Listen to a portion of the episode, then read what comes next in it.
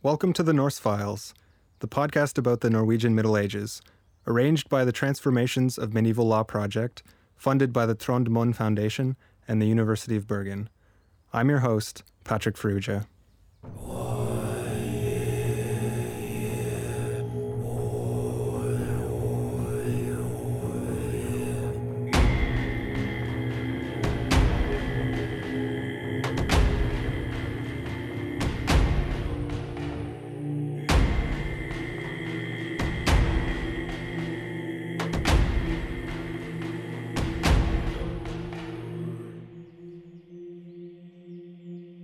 Episode 4 Håkon the Old. The year 1240 marks the middle part of the 46 year reign of King Håkon as king. The 23 years that elapsed from Håkon's ascension to the throne to the death of Duke Skule were filled with conflicts, treason, and concerns about the crown's authority. With the demise of his father in law Skule, King Håkon was free to rule over the whole country and seek the expansion of Norwegian power in Scandinavia and the North Atlantic. In this episode, we will concentrate on the last years of the reign of King Håkon Håkonarsson, known as the Old, to distinguish him from his heir, Prince Håkon the Young Håkonarsson. We will tell the story of Håkon's coronation, the conflicts with Denmark and Scotland, the incorporations of Greenland and Iceland into the Norwegian kingdom, and the interesting external policy of the Crown that established connections with a diverse group of dignitaries all over the known world, from the Rus of Kiev to the Sultan of Tunis, amongst others. Our previous episode mentioned the growing tension between the king and the church, and how part of the clergy supported Skule's ambitions to the throne. Ever since King Sverre Sigurdsson defeated King Magnus Erlingsson, a great ally of the church, the relationship between Sverre's dynasty and the archbishop had been fraught. Although the relationship improved after King Håkon consolidated his authority in the land, the church always sought to extend its privileges. When in 1244 it came for King Håkon Håkonarsson, Sverre's grandson, to ask Archbishop Sigurdur to crown him, the old tensions resurfaced. On the one hand, the Church stood by the principles of the succession laws of 1163 that consecrated legitimacy at birth as one of the requisites to be crowned. As we have discussed in the previous episode, legitimacy was an issue for King Håkon, as he was born out of wedlock. On the other hand, granting additional privileges to the church meant diminishing the power of the crown. As Sturla Thordarson put it in his saga of King Håkon, and if we were to swear such an oath as Magnus Erlingsson swore, we would diminish our honor rather than increase it. King Håkon maintained his right to be king based on lineage, and clearly stated that he should come to the crown freely, as it befits all good kings by God's mercy. As the situation became a stalemate between the king and the archbishop, King Håkon resorted to Pope Innocent to push through his coronation. At that time, the papacy and the Holy Roman Empire were fighting over the power to fill vacant bishoprics, and Pope Innocent was interested in obtaining the support of other secular rulers in Europe. An official answer came from Rome in the year 1246. Pope Innocent instructed one of his cardinals, William of Sabina, to go to Norway with full authority to tie and untie on earth as in heaven, and crown Håkon in the manner of the other Christian kings of Europe. Upon receiving the letter, King Håkon informed the archbishop and all the barons of the result of his negotiations. The Norwegian church sought to transform the initial success of King Håkon into an opportunity to force the hand of the king by influencing the papal envoy. When Cardinal William arrived in Bergen in 1247, he met with the clergy and the king. After having several meetings with the archbishop, Cardinal William confronting the king, asking him to grant the church extended privileges and abide by the oath of King Magnus Erlingsson during his coronation. Sturla Thordarson depicts Håkon staunchly defending his position, arguing that the cardinal was speaking for others and that he would rather have no crown than be forced to accept diminished power. Cardinal William took the king's arguments and limited the clergy's extortion, crowning King Håkon and introducing reforms in the Christian laws of Norway. For example, forbidding ordeals like the one that the king's mother had to perform to prove Håkon's inheritance. The impact of Cardinal William's visit and Håkon's coronation went beyond a power struggle between crown and church. The cardinal supported King Håkon in another of his lifelong ambitions, expanding his kingdom westward. At the time of King Håkon's coronation, Cardinal William admonished the Icelandic bishops in Bergen, asking them to work for the Icelanders to recognize the authority of the Norwegian king, as it was unfit for a land not to have a king like every other did. Although the cardinal's words must have been perceived as institutional support for the king's project, Iceland's incorporation process had started almost three decades previously. In previous episodes, we have mentioned that conflicts between the Icelanders and Norwegian merchants caused the crown to consider enforcing its authority in Iceland. Skule, at that time an earl, wanted to deploy a naval expedition to subdue the island. Still, those Icelanders who were at the court at the time persuaded King Haakon to stop him. One of those who advised against the military occupation was none other than Snorri Sturluson. He was a historian and politician, and the first to become a lendermaður of the Norwegian king. Although we do not know precisely what this title would have meant in the case of Snorri, historians believe that he would have ceded the ownership of his domain in Borgarfjörður in southwest Iceland and received it again in the form of a fief from the king. By doing this, the king would have acquired a right over Snorri's domain if he had breached his faith with the king, as would happen later. Snorri was sent to Iceland as many other Icelanders were during the first two decades of King Haakon's reign, to convince the people there to accept the king's authority and to pay taxes to the crown. In 1240, Snorri was allied with Skule, and shortly before the Duke's rebellion, left Norway against an explicit order of the king. This defiance was enough for him to be declared a traitor and for his properties to be legally placed under the king's control. One year later, King Haakon sent Gizur Thorvaldsson with some of his liegemen to try to bring Snorri to justice. The royal orders were carried too far, as Snorri was killed on his farm in Reykholt without being given a chance to appeal. In the decades following Snorri's murder, the most influential aristocrats in Iceland would work under the king's command to subdue the land. They would be suspected of working for their interests most of the time. That would be the case of Gizur Thorvaldsson and Thorður Kakali, who competed to become the king's representative for over a decade, being recalled to Norway many times. The bishops of Holar and Skálholt, at that time two Norwegians, would have an influential role in evaluating the service of the royal representatives in Iceland. Their disposition towards some of these men caused many setbacks in the process of incorporating Iceland into Norway. One such instance came in 1255. That year, the events in Iceland took a darker turn when the enemies of Gizur Thorvaldsson burnt his farm in Flugumýri, killing Gizur's wife and children. Gizur was summoned to Norway that year after Bishop Heinrikr of Holar voiced his concern about his role in the king's plans. Gizur accepted the summoning, but not without leaving his men in charge of taking revenge and securing his position in the country. Other representatives were to be sent to Iceland in the following years, obtaining a partial recognition of the king's interests in individual regions of Iceland. In 1258, Gizur's fate changed again.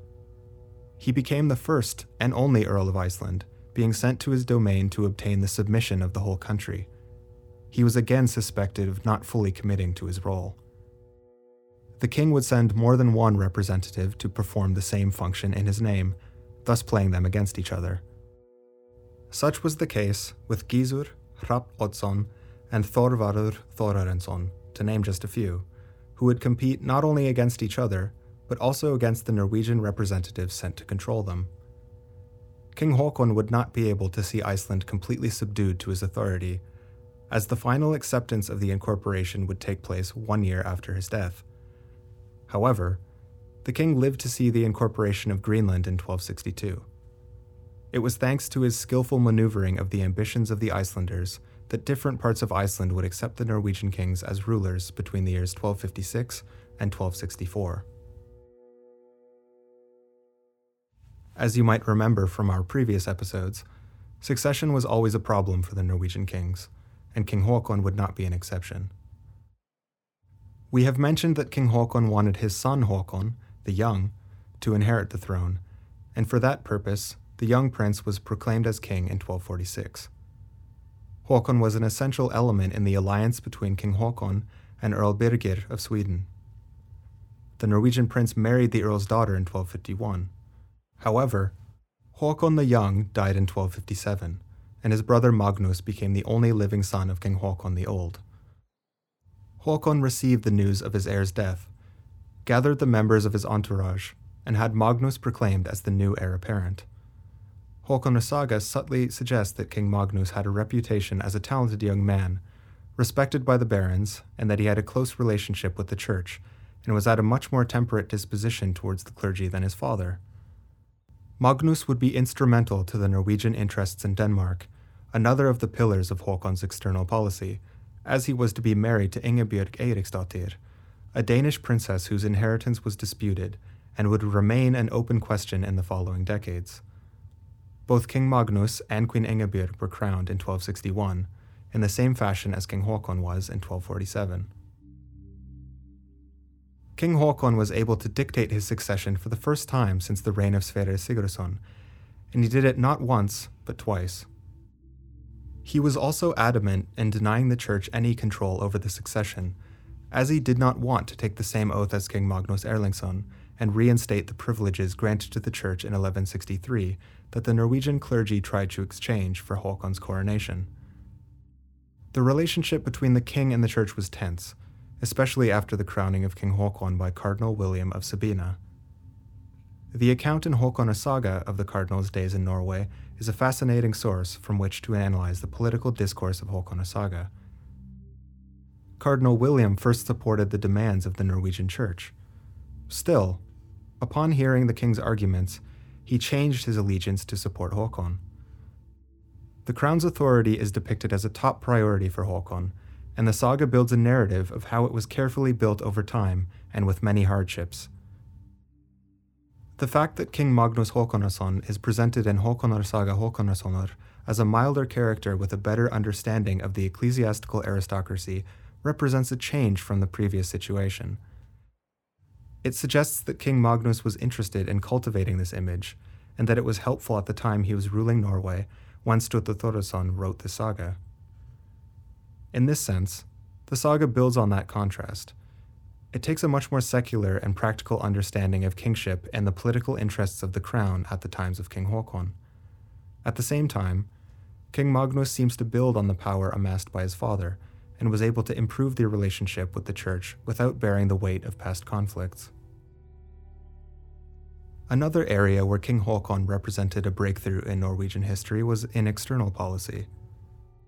In his extraordinarily long reign, King Haakon established links with many of the most influential monarchs.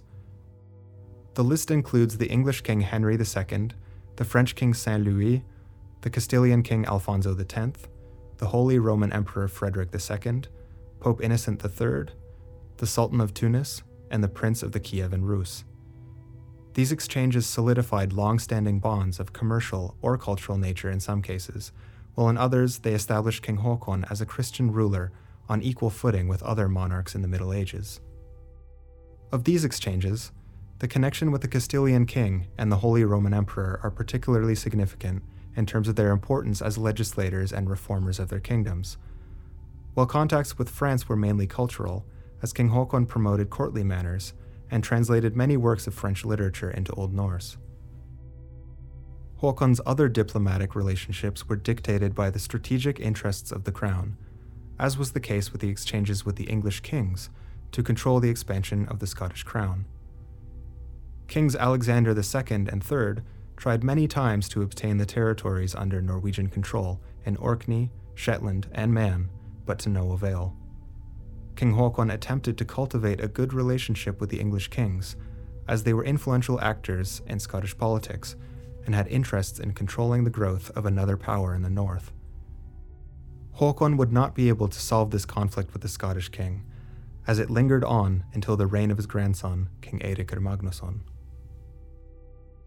In terms of inter Scandinavian relationships, King Haakon laid the foundations of the Norwegian external policy of the following years.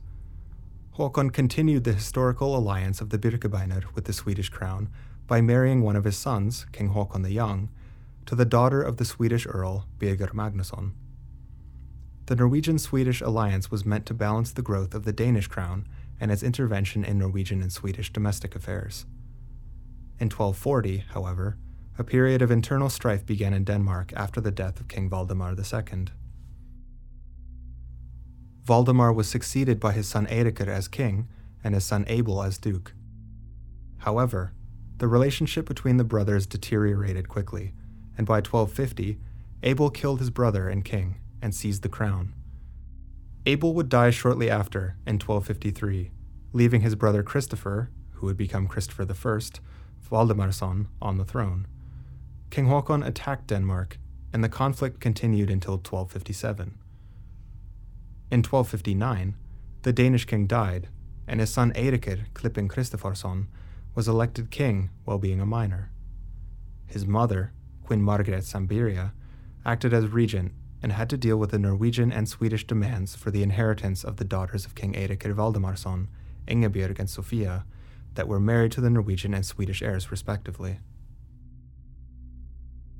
King Haakon drew the lines of the Norwegian external policy for the times to come. On the one hand, the conflict over the inheritance of Queen Ingebjörg, wife of King Magnus Haakonsson, prolonged the reigns of Kings Eirikr and Haakon Magnussinir without ever finding a permanent resolution.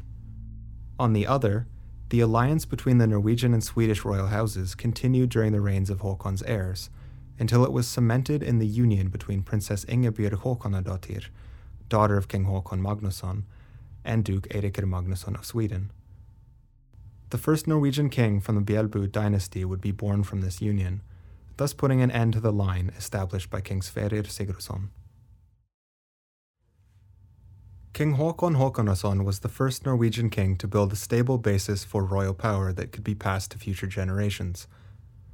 Haakon's story, as we know it from Haakonar Saga Haakonarsonar, is the story of an underdog.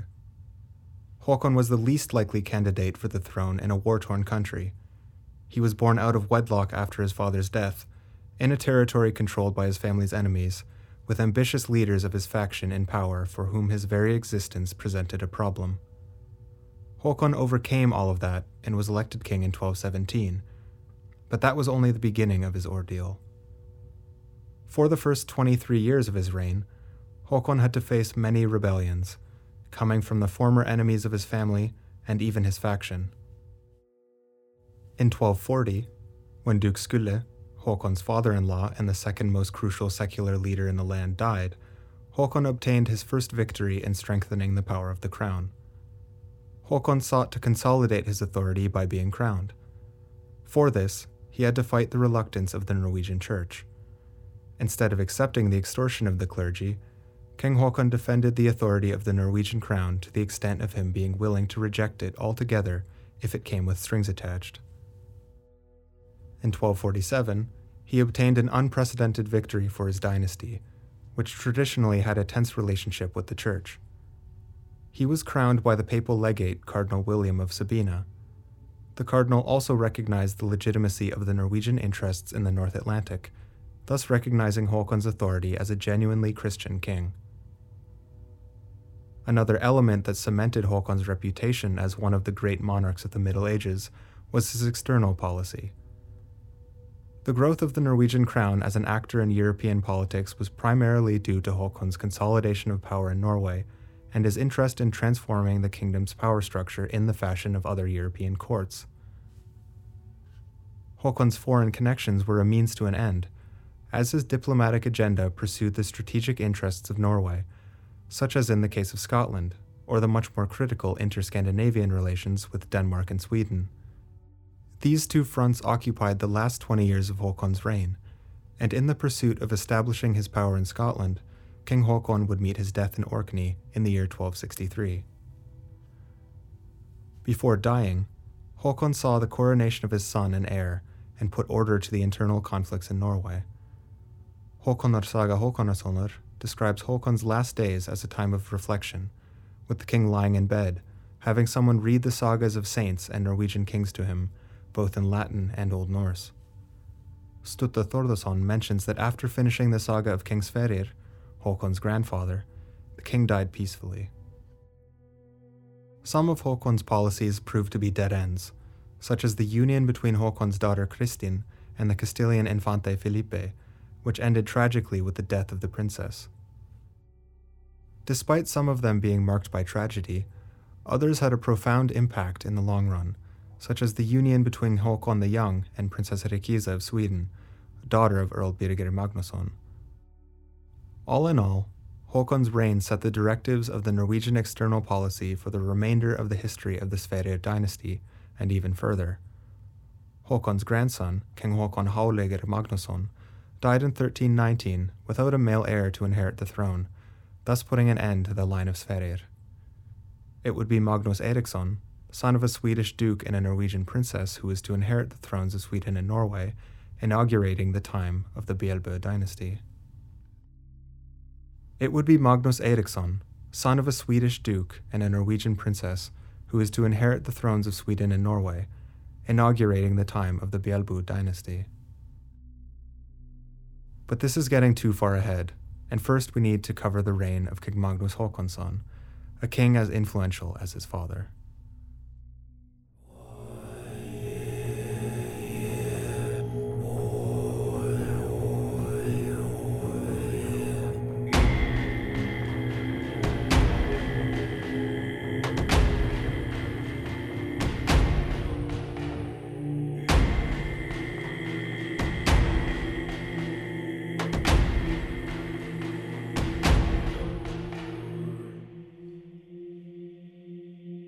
The Norse Files is written by Helen Leslie Jacobsen, Ole Albert Rønning Nordby, and Julian Vage, coordinated by Vegard Søhus, produced and mixed by Anders Bibov Olsen at Pøsrein Studio, and narrated by me, Patrick Frugia.